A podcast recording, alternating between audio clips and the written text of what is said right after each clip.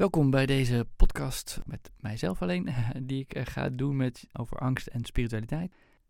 En de angst als de motor achter spirituele groei. En laten we beginnen met angst zelf. Dat kan echt voor mij voelen van, oh, daar is die weer. Tada, die vertrouwde oude angst. Als een soort, ja, spook in één keer is hij er weer. Komt hij tussen de muren of waar dan ook vandaan. En het is eigenlijk ook een bekend gevoel. En de reactie daarop, het systeem verkrampt. En de, het hele denken verkrampt en vernauwd. En het systeem gaat er ook een gevecht tegen aan wat, wat eigenlijk gewoon niet te winnen is. En dat kan, dat gebeurt mij in ieder geval wel met afwijzing mogelijk in het spel kan zijn. De laatste tijd ook met mijn gezondheid, dat ik daar bang voor ben. Oké, maar hoe gaat dit nou verder? En dat is ook spannend. Dus dat is ook helemaal niet uh, dat het heel stom is. En kan ook heel functioneel zijn. Angst is in principe, misschien is dat ook goed om te beginnen, een hele functionele emotie. Dus het laat je zien dat iets gevaarlijks kan gaan gebeuren.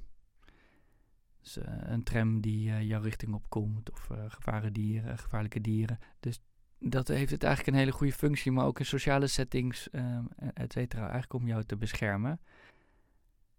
En de voornaamste angst, en dan ga ik ook vooral terug op wat, wat leraren zeggen, zoals Francis Lucille en, en anderen, dat onze voornaamste angst is om eigenlijk dood te gaan, om niet uh, aanwezig te zijn. Dus om vanuit meer bewustzijn en gewaarzijn en onze essentie te kunnen leven, is het tegelijkertijd ook heel goed om te weten dat daar de grootste angst ligt voor je systeem, voor je, voor je ego of voor je hele zelfbeeld. Dat, dat dat helemaal zou vervallen. Dus dat is eigenlijk een, een grappige samenspel om. En soms goed om te weten en, en om daar jezelf ook niet uh, voor, de, voor de kop te slaan. En dus dat het lastig is om echt vanuit je essentie te leven en uh, die angst te gaan overstijgen. En ik heb er al heel veel over gelezen, honderden uren gemediteerd, van alles op toegepast. En ik zie en weet dat het geen trucje is, maar dat het eigenlijk te doorzien is van de angst. En, en dan, als die angst mij of jou in de greep heeft, een, een experiment mee te doen. Of gewoon in stilte te gaan zitten, een aantal vragen te stellen waar, we, waar ik straks nog wel op terug ga komen, om te checken van wie is die angst eigenlijk.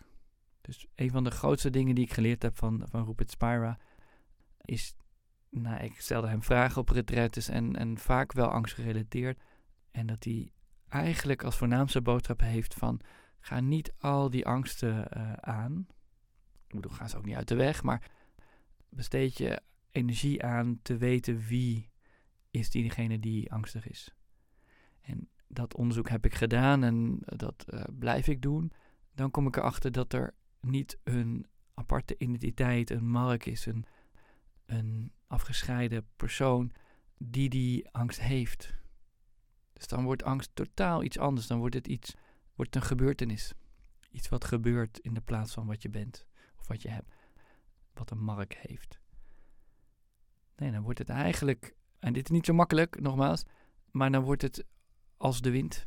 Iets wat komt, wat opkomt, waar je systeem misschien op reageert of niet reageert. En wat weer gaat in dat enorm wijde bewustzijn wie we zijn. Dus een van de dingen waar ik mee wil starten is dat het angst overstijgen niet iets is wat we als een soort activiteit, iets wat we moeten gaan doen of waar we heel erg ons best voor, uh, voor moeten gaan doen. Nee, het is het heel erg scherp doorzien van wie zijn wij in essentie? Wie ben ik in essentie? En daar vragen aan gaan stellen van wie is eigenlijk die Mark? Waar kan ik die Mark vinden die nu die angst zou voelen?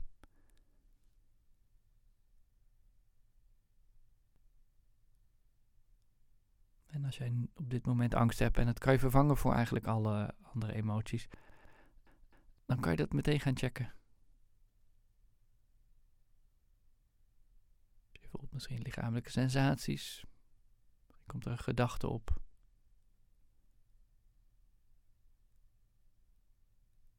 Maar waar is diegene die die angst zou voelen en daar iets mee zou moeten doen.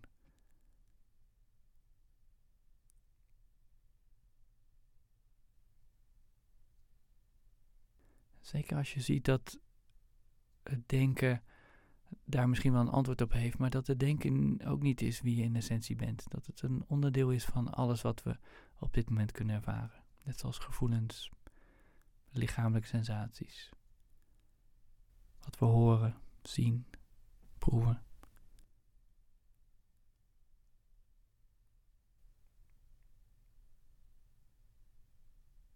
Als je niet refereert naar het denken, wat ervaar je op dit moment in het vinden van die aparte entiteit, die aparte Mark, Isabel of Saskia, Harry, hoe, hoe je ook heet.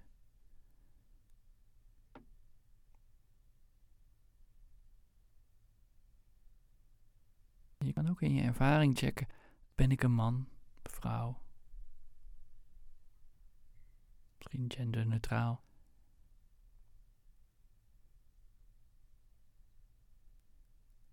Ben ik groot, klein?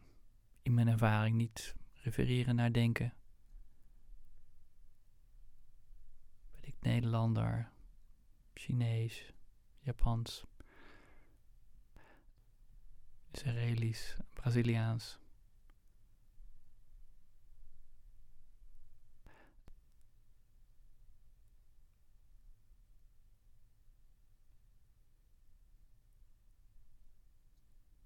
Het kan zijn dat je steeds meer in dit moment zakt en ziet dat daar eigenlijk geen antwoord op is. In je ervaring, in ieder geval zoals ik het ervaar, ervaar ik niet een, een mark met die Nederlands is en die bepaalde uh, seksen heeft, die groot is of klein is.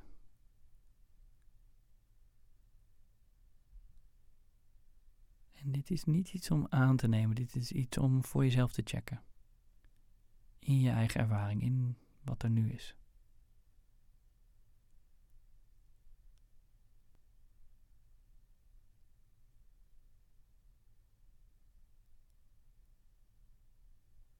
Misschien wordt het net als bij mij stiller.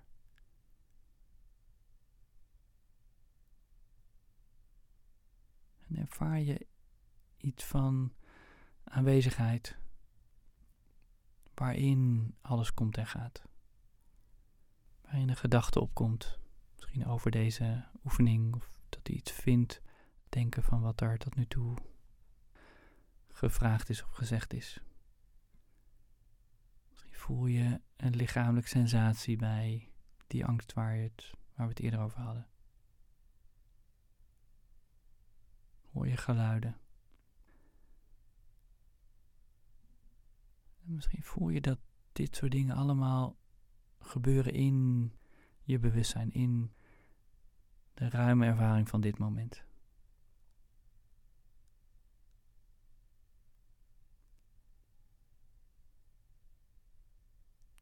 En dat er niet een klein identiteit, een kleine persoon ergens in dit lichaam of ergens verscholen is die dit allemaal doet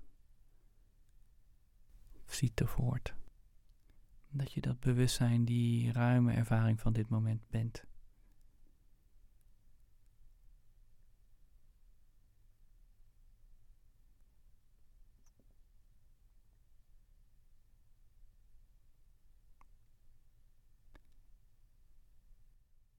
En dan ga ik deze meditatie, die contemplatie, hoe je het wil noemen, uh, afronden.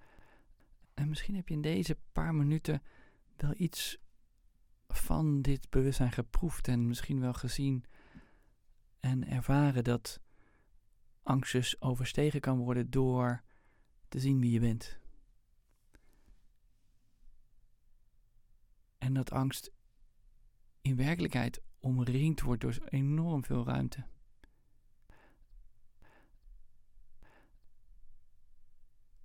Dus eigenlijk wat ik hiermee wil laten zien is dat je kan verbinden met die zelf met een hoofdletter.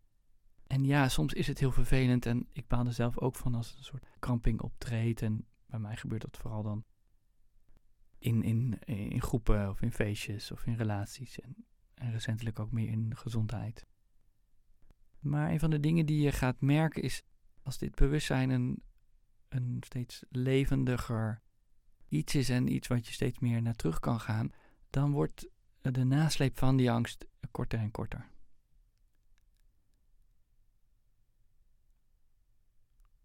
En dan zie je ook dat dit bewustzijn, dit, die ruime ervaring van dit moment, niet geraakt kan worden. Omdat dat is wat je, je bent en uh, dat die niet geraakt kan worden wat er gebeurt in, in het bewustzijn, in dit moment. Er zit geen waardeoordeel op. Er zit niet een, een ervaring wat anders zou moeten of wat beter zou moeten. Dus dat is, het is totaal open en toegankelijk en aanwezig bij alles wat er is. Prettig en onprettig. Er zit zelfs geen kwalificatie op dat dit pijnlijk of minder pijnlijk zou zijn of lastig zou zijn.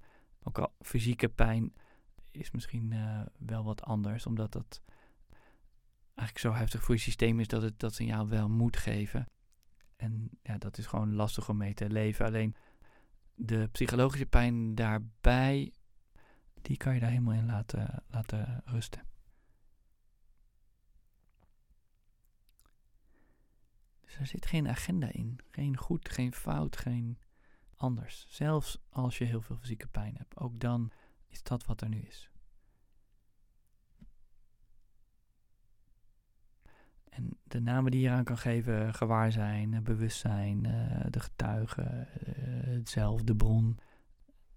Of ik noemt Rupert Sparwet altijd wel mooi. Met een hoofdletter. Of als je het meer religieuze een naam zou geven, dan kan je het zelfs God noemen.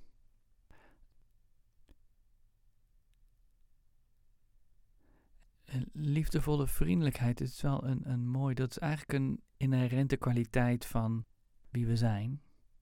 Totale openheid en, en warmte en vriendelijkheid voor alles wat er is. Mocht je dat nou minder uh, zo ervaren, dat is wat je in essentie bent, dan zijn oefeningen daarin prachtig. Dus om zelfcompassie of compassieoefeningen te doen. Ik weet dat Jan Geurt altijd zei van fake it until you make it.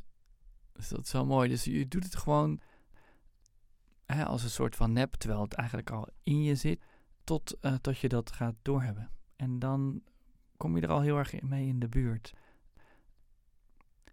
En dat als je vastloopt, het durven toelaten van het fysieke gevoel en er met warmte en vriendelijkheid naar die verkramping kijken. En het, en het voelen in je lichaam. En misschien daarna ook wel voelen dat, dat je dat niet in essentie bent. Maar dat je gewaarzijn bent. En tegelijkertijd ook heel erg, uh, dat is misschien ook meteen iets wat jezelf bent. Uh, die acceptatie brengen dat het soms heel lastig is. En dat je soms verliest in, in de identificatie met het aangeleerde zelfbeeld. En dat je die angst helemaal wordt en overgenomen wordt. En dat je wel heel erg mee uh, verliest. Prima. Niet afwijzen, niet veroordelen. Gebeurt ons allemaal. Is ook deel van, van wie we zijn. Dat dat gebeurt. En, en, en dat die overtuiging dat we dat dus zijn, is gewoon heel sterk in ons ingebakken. En tegelijkertijd zit daar ook weer de kans dat we op een gegeven moment daar heel erg in vastzitten. En dat lijden helpt weer om te groeien. Om te denken, nee, ik wil dit niet meer. Ik wil, wil, moet er een andere manier zijn om hiermee om te gaan. Dan al die verschillende soorten angsten te moeten overwinnen. En dat is er dus ook. Door steeds meer te gaan ervaren wie je in essentie, bent. En er zijn heel veel verschillende wegen, leraren, uh, paden naar, naartoe. En daar moet je echt je eigen, eigen intuïtie in volgen wat dat voor jou is. En ik, ik deel uh, hier in deze podcast welk pad ik gevolgd heb en uh, wat ik daarin geleerd heb. En dan wil ik nog een stukje van Eckhart Tolle met jullie delen. Ik doe het in het Engels, soms wel mooi. You do not become good by trying to be good, but by finding goodness that is already within you and allowing that goodness to emerge. Dus oftewel, het geeft je een unieke kans om dicht bij jezelf te blijven. Om die aanwezige goedheid in jezelf te herkennen en niet buiten jezelf te zoeken. Dus je hoeft niet je best te doen om goed te zijn, maar te zien dat die goedheid en die, hoe je het ook wil noemen, al in je zit. Nu. Altijd. Ook als je mega slecht voelt en je denkt, oh wat heb ik een domme dingen gedaan en iemand pijn gedaan. En, en maar over die goedheid hebben we het. Ook dan is die goedheid en die, die totale acceptatie voor wat er is aanwezig.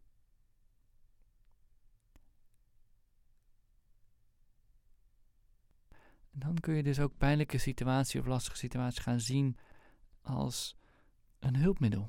Als een hulpmiddel om die dingen die je nog niet toegelaten hebt of nog niet ervaren hebt of waar weerstand op zit, dat die door het leven getoond worden, door lijden, door pijn. En dat ervaar ik nu enorm sterk door dat mijn lijf begint te haperen en ik denk, ja, restless legs heb ik het dan over. En dat dat echt wel een effect heeft op mijn dagelijks leven. En dat ik denk, ja, ik ben 41 en dat zou niet moeten gebeuren. En ook wel angst over wat het in de toekomst zou blijven. Want het is iets wat ja, langdurend iets uh, al is en uh, misschien wel blijft. Dus het wijst, en wat het mij vooral heel erg leert, is uh, in dit geval dat ik heel erg vasthoud en, en hield. Ik begin het een beetje los te laten, heb ik het gevoel. Dat, dat ik me niet zo zou mogen voelen op deze leeftijd. En dat deze aandoening niet zo sterk aanwezig zou moeten zijn op deze jonge leeftijd. Maar er zitten dus concepten in en over dat dit niet zo zou moeten zijn zoals het wel is. En ik merk als ik dat los kan laten, dat er enorm veel ruimte ontstaat. Ben ik misschien nog steeds moe en heb ik nog steeds er last van, is het nog steeds soms lastig. Maar daarbinnen kan ik veel meer accepteren en aanwezig zijn en, en zelfs genieten van wat er wel is. En het, het contrast is bizar groot. En ik groei daardoor omdat een van de dingen die me zo inspireert de laatste jaren is het leven in niet weten. Dus het leven in niet weten betekent, in ieder geval zoals ik het zou uitleggen, is dat ik voor mezelf kan verifiëren dat ik bewustzijn ben. We hebben er net even een korte oefening mee gedaan, maar je kan daar veel meer uh, oefeningen mee doen om dat ook voor jezelf te checken. Voor mij is dat wel iets wat ik weet. Maar tegelijkertijd wat ik precies ben en in spirituele en, en meditatiekringen hebben ze het vaak over dat we één zijn met z'n allen en de oneness en zo. Dat kan ik niet weerleggen dat dat niet zo is, maar ik kan ook niet verifiëren in mijn eigen ervaring dat het wel zo is. Dus dat is heel mooi, omdat je heel erg dicht blijft bij wat ik, ik en wat we allemaal onze eigen ervaring kunnen checken. En daarin weet ik dat ik ben, dat ik bewustzijn ben, dat ik alles gebeurt en komt en gaat in mij. En ik kan ervaren dat er niet een grens aan mij zit. Dus in die bewustzijn gebeuren er, komen ervaringen in dat bewustzijn en gaan ook weer weg.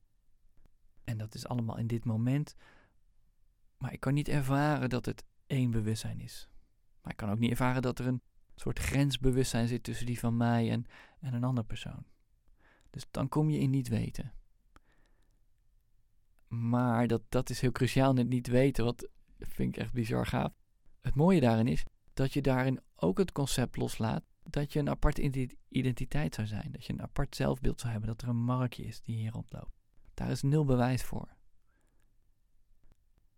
Ja, dat klinkt misschien een beetje vergaan, maar zo ervaar ik het echt. En, en als je uh, leraren zoals Eckhart Tolle en Francis Lucille en Rupert Spira en dat soort leraren en ook in het boeddhisme, de yoga-traditie, hoort, dan hebben ze die over. Adishanti praat ook mooi over niet weten trouwens. En, en dan zit je in dat veld van weten dat je bent, weten dat je niet die aparte identiteit bent. En dat concept helemaal los gaan laten en tegelijkertijd ook in niet weten komen. Niet 100% kunnen verifiëren dat bewustzijn, dat we één bewustzijn zijn. En op een gegeven moment kan je wel daar meer naartoe bewegen, omdat je daar steeds meer, nou ja, niet hard bewijs voor hebt, maar steeds meer uh, dingen die richting op wijzen. Prima, maar de essentie blijft dat je het nooit 100% zeker kan checken. Maar je kan dus ook niet checken, nogmaals, ik weet dat ik in herhaling kom, maar het is een belangrijk punt. Je kan ook niet checken dat je een aparte identiteit en dat er een apart marktje rondloopt die die angst weg wil hebben of weg zou moeten hebben. En dat laat je dus ook los. Dus kom je totaal niet weten. Wat een heel spannend veld is. Wat een heel spannend iets is. Wat heel anders is dan hoeveel mensen leven. Maar wat je enorm gaat verlichten en opluchten en spontaan in dat niet weten mogen bewegen zoals je wil bewegen. Dus enorm veel vrijheid. En uiteindelijk ook liefde en, en geluk. In mijn geval is het vooral dat er steeds minder uh, gebrek is. Steeds meer tevredenheid, laat ik het zo zeggen. Dus er is niet meer iets wat mist. Dat begint steeds meer te komen. En, en steeds grotere onderwerpen maken dat ik wel aan het wankelen gebracht word. En daar, dan, ik zie het zo dat dat domein dan weer gekoloniseerd moet worden door mij, waardoor ik nog meer in niet weten komt in steeds meer uh, domeinen. En zo zal het nog wel even doorgaan. Maar dat is eigenlijk een steeds een heel mooi proces, omdat het je steeds meer in die vrijheid brengt. En wat een heel mooi deel is, je, ik heb daar een heel mooi filmpje van gezien van Francis Lucille laatst. Dat als jij steeds meer in dat niet weten kan leven, dan betekent dat ook dat die ander ook niet een aparte identiteit is die zijn eigen gedachten en handelingen doet. Dat is, die is ook dat bewustzijn. Dus dat maakt een, het geeft een enorm andere. Kijk, je kan dan je oordelen op jezelf veranderen, omdat jij niet meer de doener en de denker van je gedachten bent. Maar die ander is dat ook niet meer.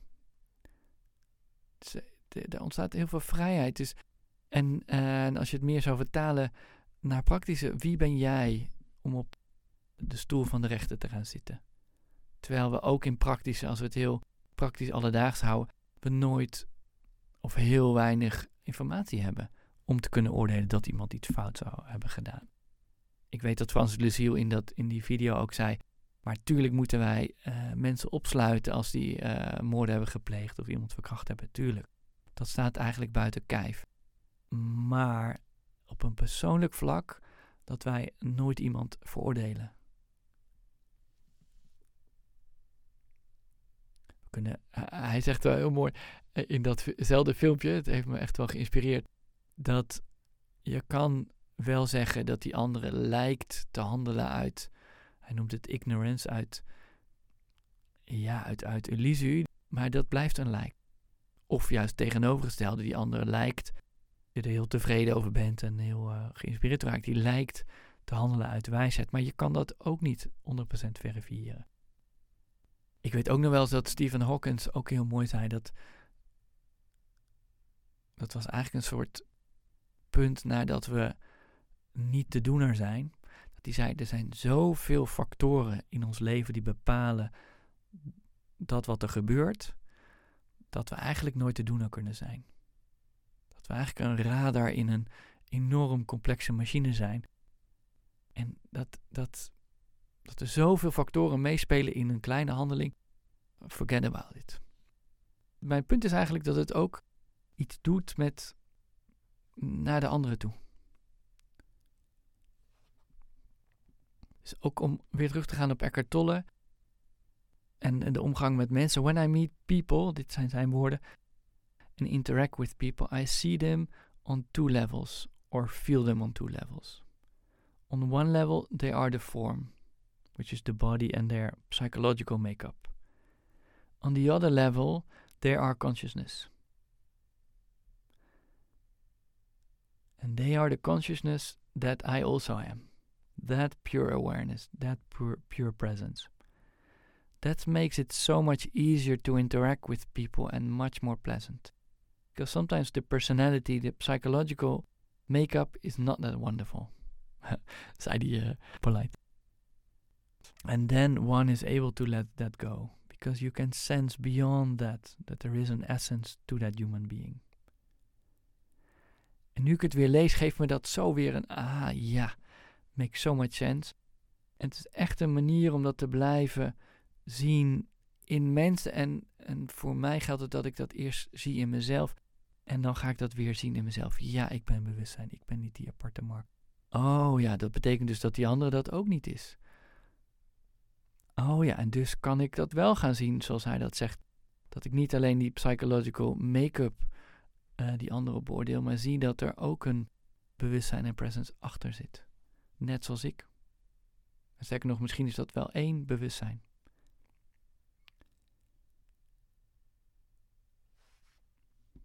En twee onderdelen zou ik hierin zeggen zijn hier uh, cruciaal. En uh, enerzijds steeds meer teruggaan naar, nou, wat ik al zei, wie je in essentie bent.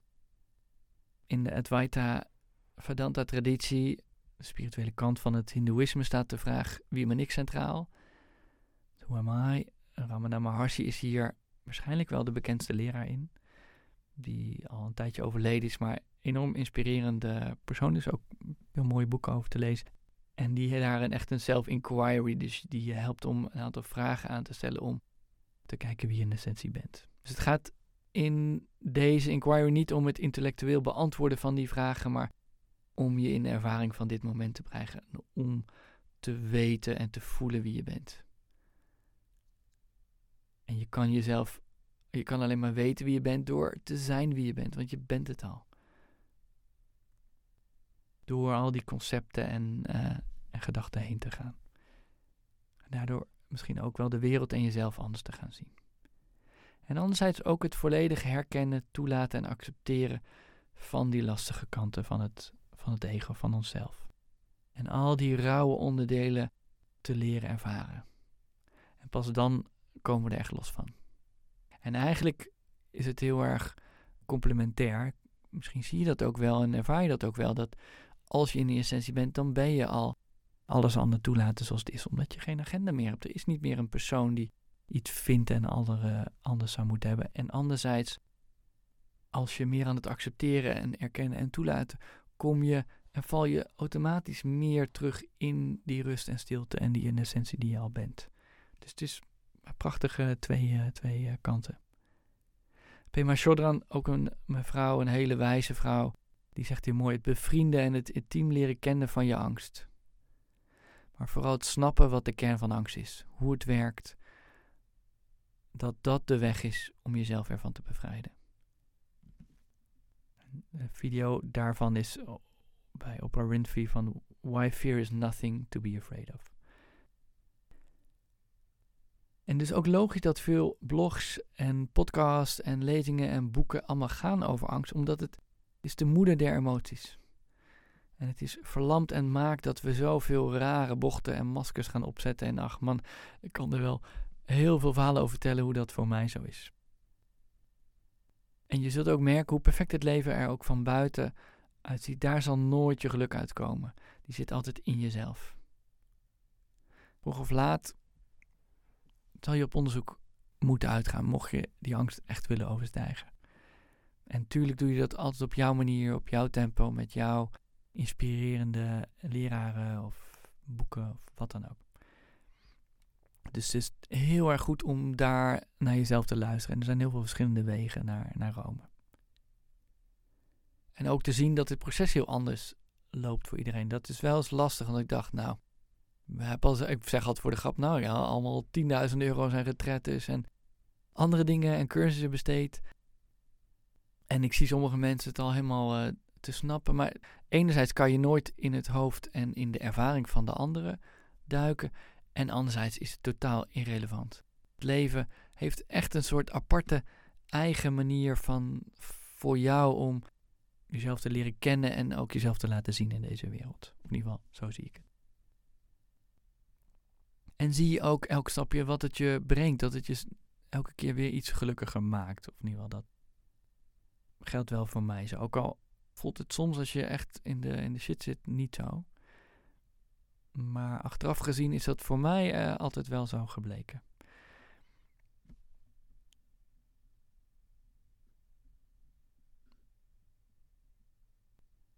Ik heb ook wel eens iets gezegd over de moeiteloosheid van wie we zijn. Dus als je heel erg geïnteresseerd bent om die angst te overstijgen en uh, te zien wie je, wie je bent, dan kijk of je niet te hard gaat zoeken of niet te hard aan de slag gaat met de angst. Ik hoop dat je dat meeneemt uit deze podcast, maar dat je gaat zien wie je, wie je in essentie bent en dus ook dan ziet wat die angst eigenlijk is. een, een, een, een wolk achter de, de blauwe hemel die, die we zijn. Die soms heel lang blijft hangen en heel groot is en lijkt de blauwe hemel helemaal te bedekken. Maar wie we zijn, de blauwe hemel in deze metafoor, is er altijd. En hoe minder we ermee bezig gaan, hoe, en hoe meer, minder we het weg willen hebben en anders willen hebben, hoe makkelijker die wolk vanzelf voorbij drijft. En we zonder dat we enige moeite hoeven te doen, gewoon weer kunnen zakken in onszelf. Ja, en ook dat zakken doen we niet, uh, gewoon onszelf zijn, die we altijd al waren. En met heel veel, en, en dat soms zitten we helemaal niet in dat. Dan kijk gewoon met heel veel compassie en vriendelijkheid en, en acceptatie en vriendelijkheid en, en, en, en zo. Naar die verkrampte kleine, kleine Mark die vastzit in, uh, in zijn angst en zijn pijn. Ik wil eindigen met een mooi stukje van uh, Pema Chodron, een paar zinnen. Als je er een dagelijks gewoonte van maakt om jezelf open te stellen voor je emoties, voor alle mensen die je ontmoet en alle situaties die je tegenkomt, zonder je af te sluiten. Vol vertrouwen dat je dat kunt, dan zal, je dat, zal dat je heel ver brengen. En dan zul je alles begrijpen wat wie dan ook ooit heeft onderwezen. Pema Chodron. Het gaat jullie goed. Ik hoop dat jullie uh, deze podcast interessant uh, vonden. Er komen meer podcasts aan. Sommige doe ik in het Engels in, in tweetallen en in andere vormen. Um, en laat gewoon weten ook wat jullie vinden van de podcast, maar ook wat voor een soort podcast jullie graag in de toekomst zouden, zouden willen. Ja, misschien heb je wel vragen of uh, andere dingen. Dan hoor ik dat uh, graag. Oké, tot de volgende keer. Hoi hoi.